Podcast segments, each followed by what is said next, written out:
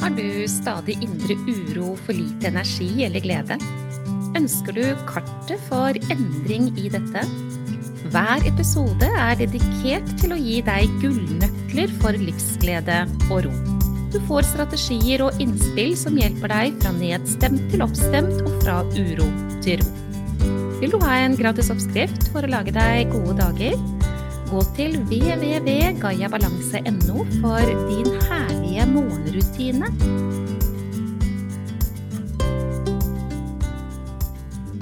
Denne episoden skal handle om det å, ja, på det nærmeste sitte fast i fortiden. Det å sitte fast i det som skjedde, som ble som det ikke skulle. Sitte fast i det som ikke skjedde. Sitte fast i det man ble påført av andre mennesker. Sitte fast i det man ikke har fått til. Sitte fast i det å klandre seg selv fordi man ikke har lyktes. Sitte fast i det å være på en slik måte man trodde man var en gang i tiden, osv., osv. Du blir med meg gjennom denne episoden fordi vi snakker egentlig om en gedigen kilde til forskjellen mellom det å ha helse og det å ikke ha helse. Jeg håper jeg skal klare å gjøre det veldig tydelig for deg i løpet av de minuttene som denne episoden varer. Du, sitter du fast i fortiden? Ut fra den innledningen jeg hadde nå, er det mulig for deg å få et litt videre perspektiv på det å sitte fast i fortiden. At det handler om både det du åpenbart kan se, da, at ikke du har sluttet fred med, f.eks. Uoverensstemmelser eller episoder som skjedde som ikke var bra, og som gir deg stadig de samme tilbakevendende vonde følelsene når du tenker på det, f.eks. Men det handler også om å være det mennesket som ble fortalt noen ting noen gang, og så tror man at sånn er jeg. Eller ikke har fått til noen ting. Og så går man i nåtid og klandrer seg selv for at man ikke fikk det til, f.eks., eller valg man tok, som man i ny tid ser at det skulle jeg aldri ha valgt. At de valgene fikk meg til sånn og sånn, og det ble helt feil. Og det er ikke rart at jeg har det som jeg har det her, sånn som jeg har det nå, når, når det ble sånn, f.eks. Enten fordi man gjorde noe eller ikke gjorde noen ting på egne vegne, men også fordi man har fått noe eller ikke fått noe fra andre mennesker. Vet du hva, hvis ikke du bestemmer deg for det jeg sier til deg nå, så vil du være noe som veldig mange mennesker automatisk reagerer svært negativt på når jeg sier, og det er ordet offer.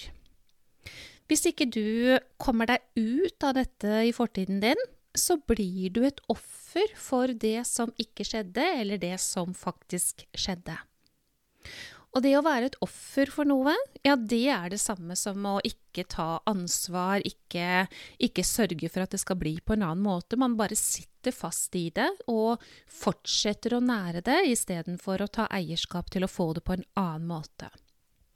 Den beste, beste, beste måten for å kunne ta eierskap til at det skal bli annerledes, har jeg lyst til å dele med deg.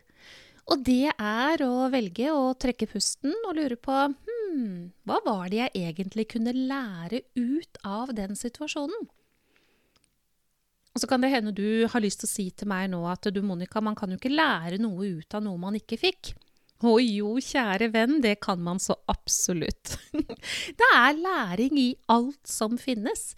Det er læring i det som ble, og det er læring i det som ikke ble, og det er læring i hva slags valg man ikke tok, og de valgene man tok, og det er, det er læring overalt. Og vet du hva en gullnøkkel for livet i forhold til mengde stress eller ikke?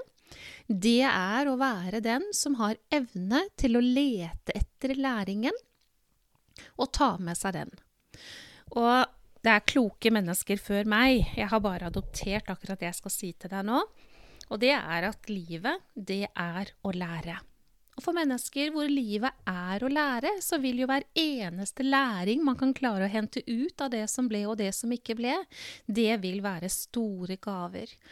Og læring er jo, som vi alle vet, en veldig lett bagasje å bære. Så lenge vi velger å se på det som læring, og ikke noe som skal tynge oss og definere oss og være noe som ligger tungt i ryggsekken vår og plage oss for resten av livet, men rett og slett bare OK, dette var en gave til meg, dette har jeg lært, her har jeg fått læring, og det er en gave. Og da sitter man igjen med hva da? Jo, det som man kan få beskjed om hvis man er litt ute og kjører i forhold til tankerekker, at eh, du begynner å lete etter takknemlighet. Kan du hver dag fra nå av notere ned i boka di, takknemlighetsboka di, tre ingredienser til takknemlighet, så vil det være med på å hjelpe å snu denne skuta som nå er på vei ned. Ja, det er helt sant, det. Hvis livet er å lære, og du velger å lete etter læring, så vil du hele tiden være eier av enorme gaver, fordi du får takknemlighet, og hvis livet er å lære, så er alle gavene en Ja, det er fantastisk. All læring blir gaver, og dermed så eier du voldsomme mengder med gaver til livets lære. Og det er det motsatte av å være offer. Jeg, jeg, blir litt nysgjerrig, kjenner jeg akkurat nå, for jeg lurer på hva er det du tenker på når jeg bruker ordet offer? Veldig ofte så tenker man på det helt uh, åpenbare, at man har blitt utsatt for noen ting. Man har blitt slått ned, eller man har blitt behandlet på en måte som overhodet ikke er ok. Uh, man har vært et offer for noen ting. Offeret slik og sånn er det vi sier ofte. Men offer, det kan vi fint bli i oss selv med mindre vi aksepterer hva det var som var, og hva det er som er, og i det hele tatt forholder oss til dette med letthet istedenfor med tyngde. Og er vi offer, så vil vi automatisk ha en enorm mengde tanker som hele tiden er stressorder. Og med det så har vi stressaktivitet i oss selv, og med det har vi for mye av det. Det blir langvarig negativt stress som jeg er veldig opptatt av. og da har vi eh, bolig i en kropp som hele tiden er i beredskap for å overleve. Den er eh, i beredskap for å flykte eller for å slåss eller for å fryse, så vi ikke blir oppdaget. Ja, helt uten at du faktisk er i fare. Det holder med én tanke. Og hvis vi har disse dype mønstrene hvor vi er ofre, så vil vi ha den aktiviteten i oss selv stort sett 24-7. Og det som er skummelt med det, kjære venn, det er jo at i den aktiviteten der, den aktiviseringen i oss, så har vi ikke det forebyggende og helsefremmende arbeidet. Så hvis livet er Det skulle ikke ha vært sånn. Det burde ha vært på en annen måte. Jeg kan ikke forstå at dette skjedde meg. Jeg skulle tatt et annet valg, jeg burde ha forstått, jeg burde ha sett, jeg burde ha tenkt, den andre burde ikke ha gjort, den burde Alt det der. At du sitter fast i det der, og du ikke tar med deg læring, så er du et offer for det som skjedde som du likevel ikke får gjort noe med. Og her er en enorm mengde stress. Så egentlig så kan du i akkurat det jeg snakker om nå, velge hvor mye stress du skal ha.